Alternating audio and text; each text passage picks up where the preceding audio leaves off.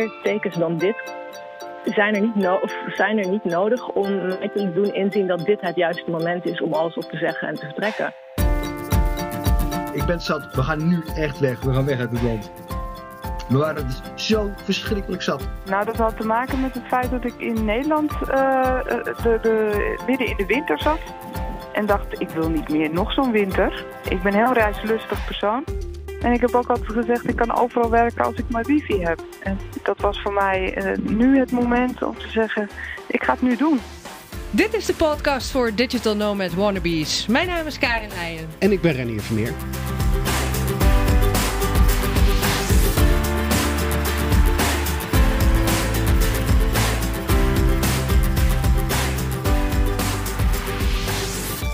Hallo, Renier. Hallo Karin. Welkom uh, jullie ook allemaal die luisteren bij de allereerste aflevering van onze podcast voor Digital Nomad Wannabes, oftewel PDNW. En je luistert vast omdat je erover denkt om Digital Nomad te worden.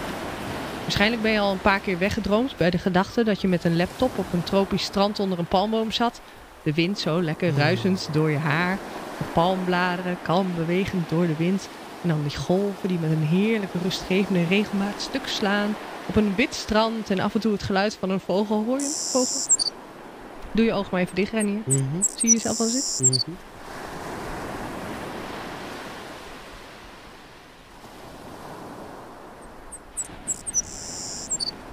Ja, dit is dus volgens mij voor veel mensen het ideale plaatje van een digital nomad.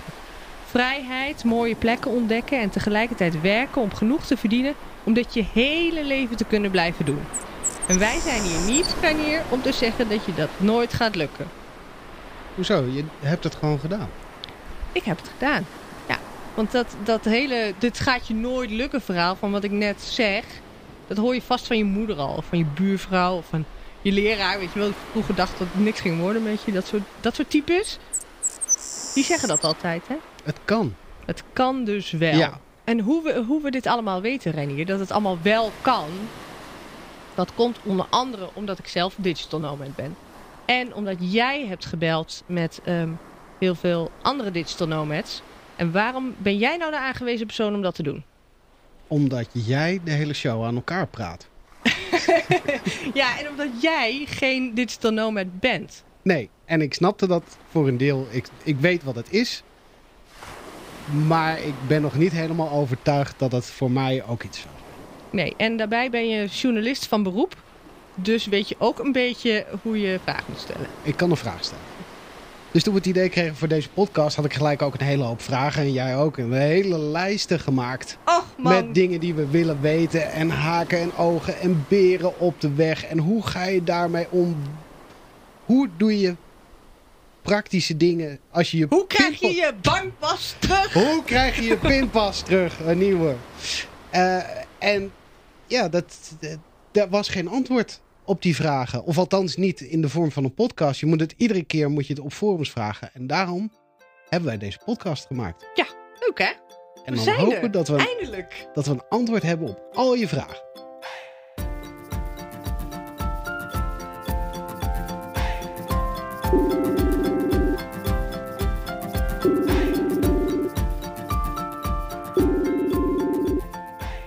Goed, ik ben dus uh, Wim Keesmaat. Uh, ik ben uh, innig getrouwd met Anje Keesmaat al 32 jaar lang. En wij wonen op een bootje in Griekenland, op een zeilbootje. Die we zojuist gekocht hebben, die want opknappen zijn. En nou ja, we zijn dus aan het verbouwen. En tussendoor moet er natuurlijk ook nog wat geld verdiend worden. Dat doe ik met, met het vertalen van boeken. En Anja met het schrijven ervan. Uh, ik ben uh, Diana Beekveld. Ik uh, kom uit Nederland en ik ben op dit moment in Spanje, in Capo di Cata. Nou, wat ik leuk vond is om mensen mee te nemen in mijn bus. Ik heb plek voor nog één passagier. en ja, die kunnen dus een paar dagen zelf ervaren wat het is om te reizen als digital nomad. Uh, mijn naam is Antoinette Spaan. Um, ik ben uh, blogger en tekstschrijver bij mijn eigen website We Want to Travel. En Spik en Spaan Media, dat is mijn mediabedrijf. en momenteel zit ik uh, van een zonnetje te genieten in het dorpje Ulrum in Groningen. Wat doe jij Ja. in Nederland? In Nederland. Eh, nou, ik ben eh, de laatste tijd best vaak in Nederland, moet ik eerlijk zeggen. Ehm, eh, momenteel ben ik eh, eh, dus weekend aan te houden.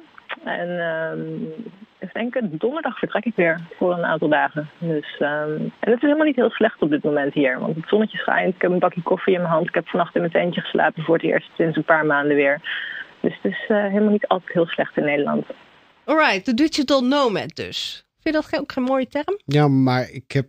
Iedereen bedoelt er iets anders mee of gebruikt het anders. Ja, want wat is dat nou precies eigenlijk? Een digital nomad. Ehm, ik denk dat de term inmiddels binnen Nederland wel redelijk bekend is. Ik heb altijd geroepen, ik wil een eh, reizende schrijver worden. En dat heb ik ook al geroepen voordat de term digital nomad bestond. Ehm, ja, mijn vrienden weten het inmiddels wel, maar ik reis eigenlijk gewoon. Ik ben gewoon, ik, ja, ik kan locatie onafhankelijk werken. Dat is eigenlijk hoe ik het omschrijf. En ik ben een beetje wat ik qua doe, wat ik eh, werk, doe ik eigenlijk van alles. Om, eh, om in mijn onderhoud te voorzien qua klussen en, en opdrachten. Het is eh, reizen met eh, verschillende eh, woonplaatsen. Ik, ik woon op en heb elke dag eigenlijk een andere voortuin. Maar ik werk eigenlijk gelijk als, als, als dat een ander zou doen in een kantoor. Dus het is een combinatie van wonen en werken en, en reizen. En hoe ben jij hier ooit mee begonnen? Wat was het moment dat je dacht, ik wil dit? Nou, dat had te maken met het feit dat ik in Nederland eh, de, de, midden in de winter zat. En dacht, ik wil niet meer nog zo'n winter. Ik ben een heel reislustig persoon. En ik heb ook altijd gezegd, ik kan overal werken als ik maar wifi heb. En dat was voor mij eh, nu het moment om te zeggen, ik ga het nu doen. Ik ga zo'n eh, zo'n camperbus kopen en ik ga zelf ervaren omdat ik denk, ja, dit, dit was eh, de goede timing om dit te doen. En ik denk, als ik tien jaar later ben, dat het moeilijker voor me zou zijn. Eh, het, het, de laatste druppel, Ja. dat was... eh, ik wilde paprika's hebben, die waren in de aanbieding. Nee, je, jij moest, je, had, pa- je, ging iets van nasi koken en je had paprika nodig. Oh ja, nou ja. Dus en- ik even snel met de auto naar de groenteboer. Ja, dat was het. Ja. En eh, dus hij gaat die paprika halen, 75 cent. Nee, nee. Oh, Nou, dat was nog gekker. Ik zei ja, ik. Dat was 45 cent. Paprika's waren in de aanbieding. En eh, nou, op twee minuten naar binnen. Gingen we, wij gingen altijd boodschappen doen naar die, bij die eh, groenteboer. Twee minuten naar binnen. Ik kom weer naar buiten met mijn paprika van 45 cent. Jubel, jubel. Helemaal blij natuurlijk. En ik ga naar mijn auto. Zit er een, een briefje onder mijn ruitenwisser. En ik zie twee van die, nou ja, zeg melkendames. Zie ik verderop, zie ik weglopen. Dus ik achter die dames aan. Dames, dames, wat is het? Wat is het? Ja, meneer. eh, u, eh, u hebt een boete. Ik zeg, ja, maar waarvoor? Een parkeerboete. Ja, meneer, dat klopt. Ik zeg, maar ik parkeer hier altijd. Er is hier toch niks mis mee. Meneer, sinds gisteren is dit een blauwe zone. Hier mag u niet parkeren. En dan moet je nagaan, aan de andere kant van de straat had je een parkeerterrein van 250 plaatsen die gratis was. Dus ik was zo ik, heb, ik ben vriendelijk gebleven tegen die dames. Maar ik was zo boos. Ik kwam thuis. Ik zeg, we- ik weet niet meer hoe ik het zei, maar het was eh, vrij dus niet, dat was, was geen woord voor een podcast, zeg maar. Maar eh, ik zei, ik ben zat. We gaan nu echt weg. We gaan weg uit het land. We waren dus zo verschrikkelijk zat. En we waren binnen zes weken geïmigreerd. Het was geen loze woorden dus. Het was een direct inpakken wegwezen. Ja, met drie kinderen. We zijn, we zijn naar Ja. Suriname gegaan voor het eerst van ons leven. Zonder kinderen. Die zijn net even in Nederland gebleven. Toen, Dus, we hebben twee weken daar gegaan om een huis. Binnen drie, weken, eh, binnen drie dagen hadden we een huis gekocht. Binnen zes weken waren we kinderen. Klaar. Nooit spijt gehad. een aantal jaar, ik denk nu zo'n ruim twee jaar geleden, had ik echt het moment bereikt. ehm, mijn, eh, mijn relatie van 15 jaar ging uit en mijn vader overleed. En vervolgens eh, moest ik ook mijn nieuw appartementje uit. En dat gebeurde allemaal binnen een periode van drie maanden. En toen dacht ik, meer tekens dan dit zijn er niet, zijn er niet nodig om mij te doen inzien dat dit het juiste moment is om alles op te zeggen en te vertrekken.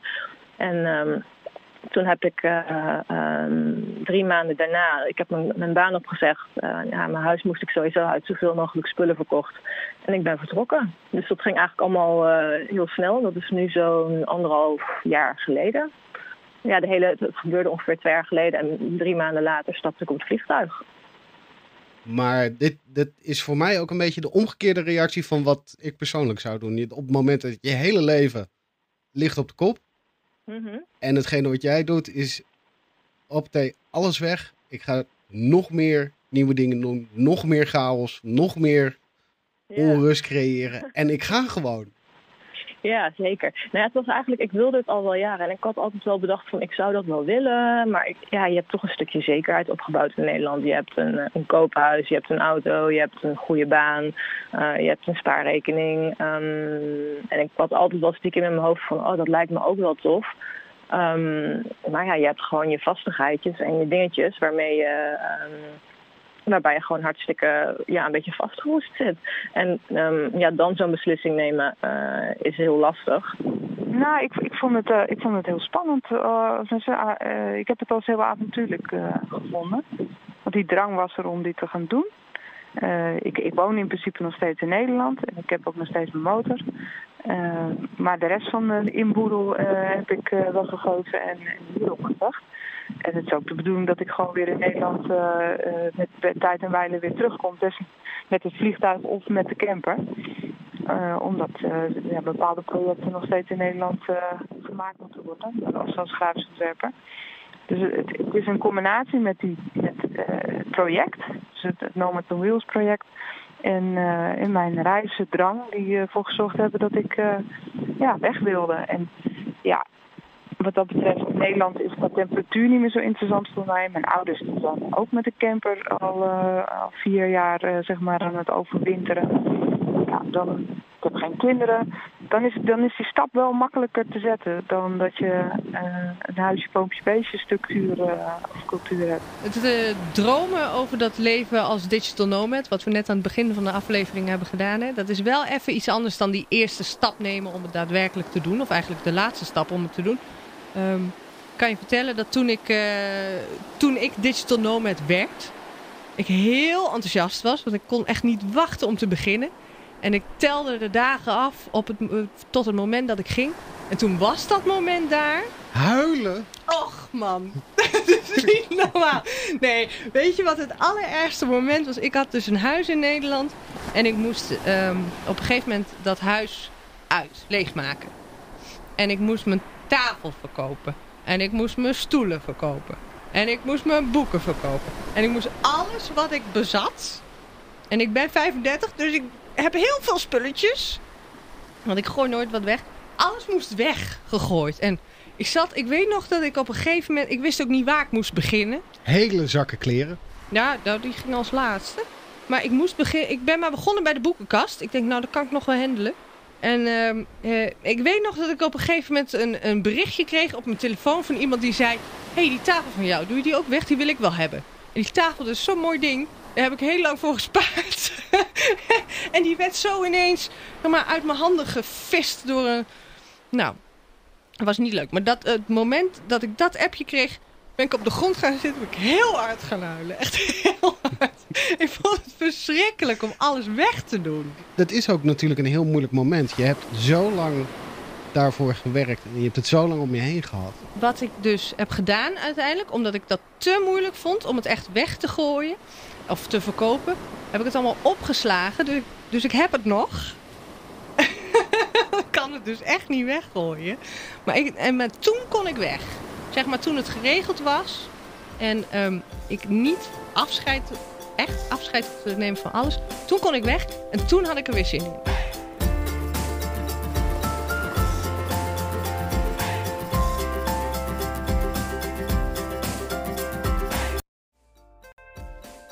Er zijn dus een heleboel dingen waar je op moet letten en aan moet werken voordat je überhaupt kan gaan.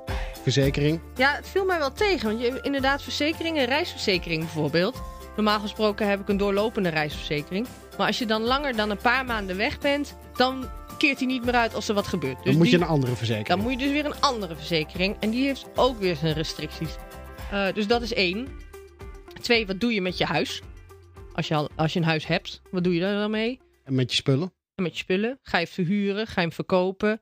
Wil je nog weer terugkomen? Zet je hem op Airbnb? Inschrijven, uitschrijven. Bij de gemeente of in ja, weet je, Nederland. weet je wat, dat, wat betekent dat? Weet je, kun je dat eens uitleggen? Ja, inschrijven is dat je daar gaat wonen. Maar wat er gebeurt als je je uitschrijft, dat weet ik niet precies. Nou, dan, dat is dus heel vervelend als je dat doet. De regel is dat je vier maanden aaneengesloten in Nederland moeten wonen om ingeschreven te kunnen blijven staan in de gemeente waar jij woont. En als dat niet gebeurt, dan krijg je allerlei rare problemen. Dan moet je naar de gevangenis of zo. Ik weet niet precies, ik heb het niet eh, getest. Ja, ik heb het, nee, ik heb geen idee hoe ze daarachter komen. Maar het is de officiële regel. Dus als je als je als digital nomad aan alle regels wil voldoen, dan kun je dus nooit een jaar weg. Dan moet je acht maanden, is de max. Kun je voorbeelden geven van dingen waar je tegenaan liep, die je nu in één keer moest regelen, wat je niet van tevoren had bedacht? Ja, ik had um, nou, woonruimte. Want ik had eigenlijk besloten van, nou ja, ik wil wel iets houden in Nederland waar ik terug kan komen. Um, maar ja, dat is eigenlijk gewoon veel te duur om een, om een, um, om een appartement aan te houden of zo. Dus ik heb toen, uh, ik ben eerst al spullen gaan verkopen. Waarvan ik, die, die ik allemaal net een paar maanden geleden had gekocht voor mijn nieuwe huis. Die ben ik allemaal gewoon gaan verkopen. Uh, heel veel spullen weggegooid. Um, en toen aan de slag gegaan met oké, alle verzekeringen en abonnementen die ik voor een jaar had afgesloten. Daar liep ik allemaal tegenaan. Ja, je hebt wel een, uh, een abonnement voor, de, voor de gas, water, elektra voor een jaar afgesloten ja, daar ging ik helemaal niet vanuit toen ik hier ging wonen dat het binnen een half jaar al voorbij was. Dus dat, ja, daar heb ik gewoon boetes voor moeten betalen om, dat, om daar toch onderuit te komen onder die contracten. En verder had ik het zo geregeld dat ik uh, bij mijn broertje ingeschreven mocht staan. Dus ik hoefde me niet uit te, schrijven, uit schrijven uit Nederland. Want dat vond ik eigenlijk iets te rigoureus. Omdat ik dacht van nou daar heb ik allemaal nog niet goed over nagedacht. Ik ga eerst kijken of dit me bevalt. En um, ik had mijn, mijn uh, reizen zo geregeld dat ik elke drie maanden terug was in Nederland. Minimaal één of twee keer. Uh, omdat ik ook mijn eigen bedrijf aan het opzetten was. Waardoor ik af en toe terug wilde komen naar Nederland om uh, met klanten te spreken en zo. Um, dus ik heb gewoon ingeschreven gestaan op het adres van mijn broertje... waar ik ook mijn spulletjes die ik wilde bewaren had liggen. En um, dus qua verzekeringen en zo hoefde ik eigenlijk alleen een lange prijsverzekering te regelen. Um, en de rest, voor de rest viel dat uiteindelijk wel mee. En mijn auto heb ik, heb ik gewoon bewaard. Want ik dacht, ja, dat kan nog wel eens nuttig zijn. Um, die heb je geschorst gewoon... zodat je geen verzekering meer hoeft te betalen?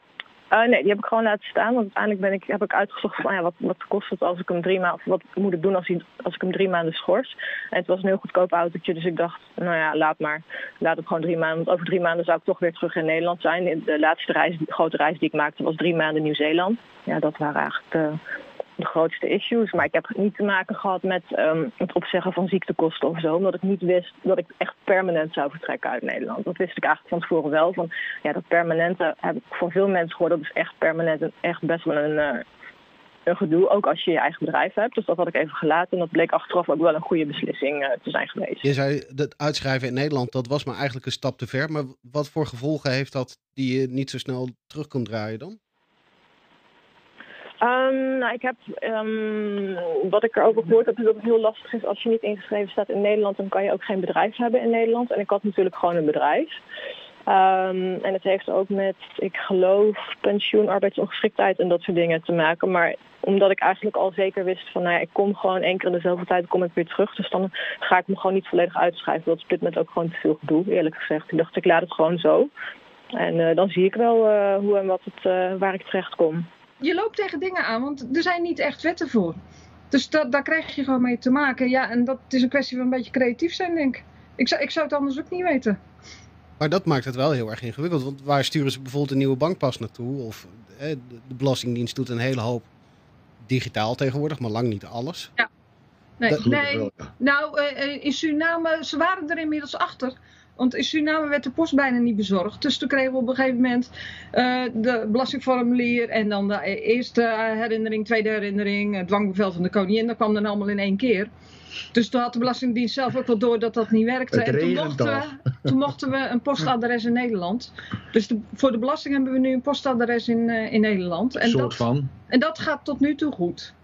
Dus... Uh, maar heb ja, je, heb natuurlijk niet dwangadres gebruiken. Heb je, heb je tips voor mensen die dit overwegen, hoe ze dit het beste kunnen aanvliegen? Uh, Niet uitschrijven. Vooral niet uitschrijven. Ik denk dat het is makkelijker om uh, ingeschreven te blijven. En uh, hopen dat er geen gezeur van komt. We, we kennen een aantal mensen die rondreizen. En die zijn nog steeds ingeschreven. Wat officieel helemaal niet kan. Want ze zijn niet vier maanden aaneengesloten in Nederland elk jaar. Uh, dat doet nog niemand moeilijk, want de Belastingdienst weet ook niet wat ze moeten. Er is een lacune in de wetgeving. Ze weten ook niet wat ze met dat soort mensen moeten. Uh, ja, het, het is gewoon erg lastig als je uit, eenmaal uitgeschreven Hm. bent en je woont niet, je bent niet ingeschreven in een land wat een belastingverdrag heeft met Nederland. Heb je een probleem. Heb je een probleem? Ja. En wat je ook doet, het mag niet. Dus ja, Maar dit klinkt ook een beetje alsof je van het kastje naar de muur gaat en dat je Ja, ergens joh, gewoon in een gekkenhuis belandt. En op een gegeven moment denk je, joh, laat maar. Ik, eh, ik vind het allemaal wel goed. Ja, en, je wordt ook wel een eh, beetje laconiek. ja, en, ja. en ze willen toch geld van je hebben. Ze willen toch belastinggeld van je hebben. Dus ja, op een nou gegeven ja, moment dat dan- bepalen, betalen we dus. eh, Ja, dan, dan vinden ze het al gauw best, denk ik. Ik weet niet. Nee. Het, Maar je, je loopt tegen dingen aan. Dat, en dan is ingeschreven blijven is natuurlijk wezen het makkelijkste. ja. En dan is Nederland ineens niet zo goed geregeld land, want er kan gewoon niks. Dan, nee, ja, sorry, nee, nee, dat is tegen de regels. Nee, dat kan, nee, dat kan echt niet. Ja, maar wat moeten we dan? Ja, dat weet je niet, maar dat kan niet. Nee, het is tegen de regels. Dat gaat niet. We kunnen jullie niet meer helpen. Ja. Maar hoe gaat het dan bijvoorbeeld op het moment, wat met zorgverzekeringen, zijn er ook bepaalde eisen? Hoe doen jullie dat? Op het moment dat je een been breekt, mag je dan in het ziekenhuis in Nederland of in, in Griekenland? Eh, wij, wij hebben een internationale ziektekostenverzekering. In, eh, in Engeland ergens. En ja, in een hoop landen is het natuurlijk niet duur. Nee. Nee. Dus maar Maar het klinkt wel alsof er een hele rare oplossing gevonden is om dat toch te ondervangen. Nou ja, Ja, ja, nou goed, die, die verzekering die, die is gewoon internationaal. En eh, dus dat hebben we nu gedaan. Ja. En die is eigenlijk goedkoper, denk ik, als een Nederlandse verzekering. Ja, en vergis je niet, als En, je eh, in bepaalde landen, eh, bepaalde landen zit, je kunt beter gewoon zelf betalen dan bij je verzekering gaan lopen zeuren. Want het kost je meer aan eh, eigen risico dan dat het daar kost. En een, een, eh, een of andere dure eh antibiotica kuur, die in Nederland gewoon hartstikke duur zou zijn, dan betaal je daar 3,50 voor, zeg maar wat. Je gaat dan naar een, een tandarts en je bent gewoon veel minder kwijt dan in Nederland. Hm. Et cetera. Maar ja, dat zijn bepaalde landen. En je moet net treffen dat je in een land zit waar de gezondheidszorg goed is. Hm. En goedkoop. Ja, en wij hebben natuurlijk de laatste jaren in Zuid-Amerika. Ja, dat, dat kost geen drol daar. Jij ging naar Indonesië, heel veel mensen gaan naar Azië. Zuid-Amerika hoor ik ook wel. Waar- wat maakt het nou een goed land voor digital nomads? Zuidoost-Azië, daar zitten heel veel digital nomads. Dus dat zijn landen als Indonesië, inderdaad, Thailand, eh, Vietnam. Die, eh, die hoek van de wereld. En eh, die, dat is zo populair omdat daar bijvoorbeeld heel veel wifi-verbindingen goed zijn. En natuurlijk het weer. Het weer is ook heel belangrijk. En eh, een andere reden waarom die landen heel populair zijn, is omdat het goedkoop is om daar te zijn. Dus zeker om te beginnen, denk ik dat Zuidoost-Azië een makkelijke instapper is. Ja, ik heb de pech dat de bestemmingen die ik gaaf vind om naartoe te gaan, zijn gewoon westerse landen, zijn gewoon duur. En ehm, dus een, een maand in Azië, bijvoorbeeld Azië, waar heel veel digital nomads zijn, dat, ja, dan gaat het gewoon prima met het eh, inkomen wat ik nu heb. Wil ik een maand naar bijvoorbeeld Nieuw-Zeeland, wat mijn favoriete plek eh, is, ja, dan moet ik gewoon echt even iets harder, eh, iets harder werken en eh, wat harder sparen. Omdat ja, het leven als digital nomad daar, dat kost je gewoon twee, drie dubbele van wat het je bijvoorbeeld in Azië kost.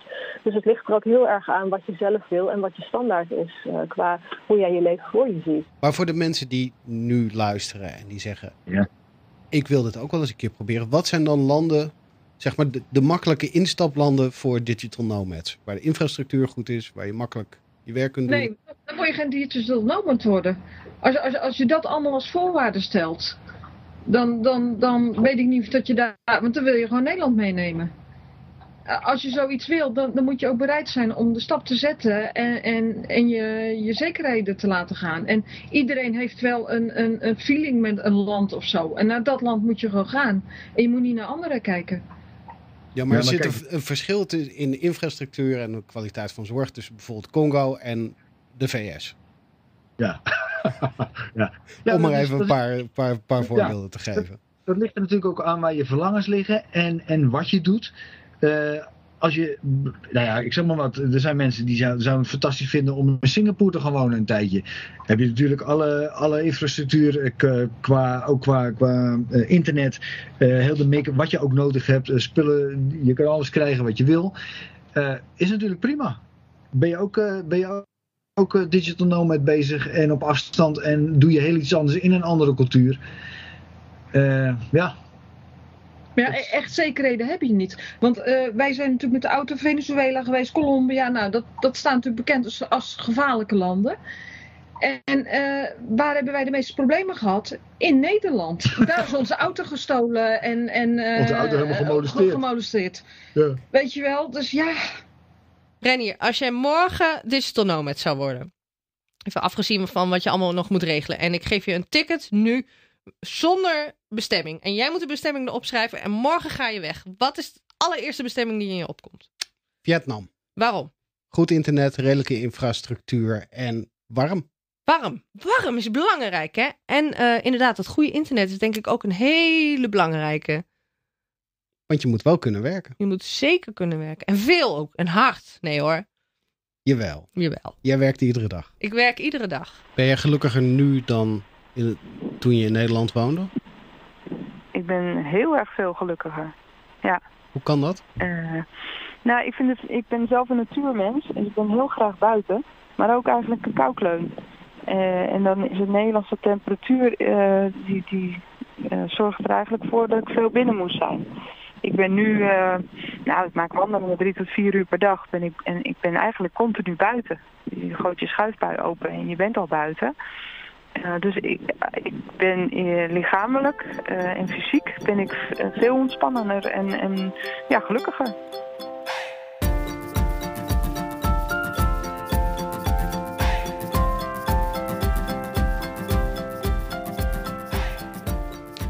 de beslissing is gemaakt. Je bent eindelijk digital nomad geworden. De eerste stappen zijn gezet. Je huis inboedel is weg. De huilbui is geweest. Afscheid is genomen. Um, je vliegticket is geboekt. We gaan!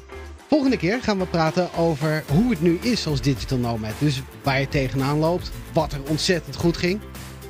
Maar ook wat er niet goed gaat. Ja, die eerste momenten, hè? Die eerste momenten dat je erachter komt dat het niet alleen maar roze geuren maakt. Eerste keer, yes! Yes! En dan... No! Kaart Janko op je hotel. spannend. Ik heb nou al zin de volgende keer.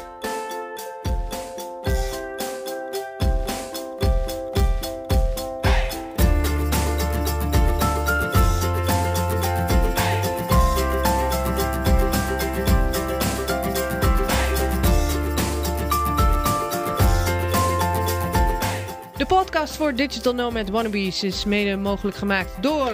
Tickettipper.nl, een dagelijkse verzameling van de allerbeste vliegticketdeals. En opgenomen in de studio van Dick Klabbers. Voor meer informatie dickklabbers.nl.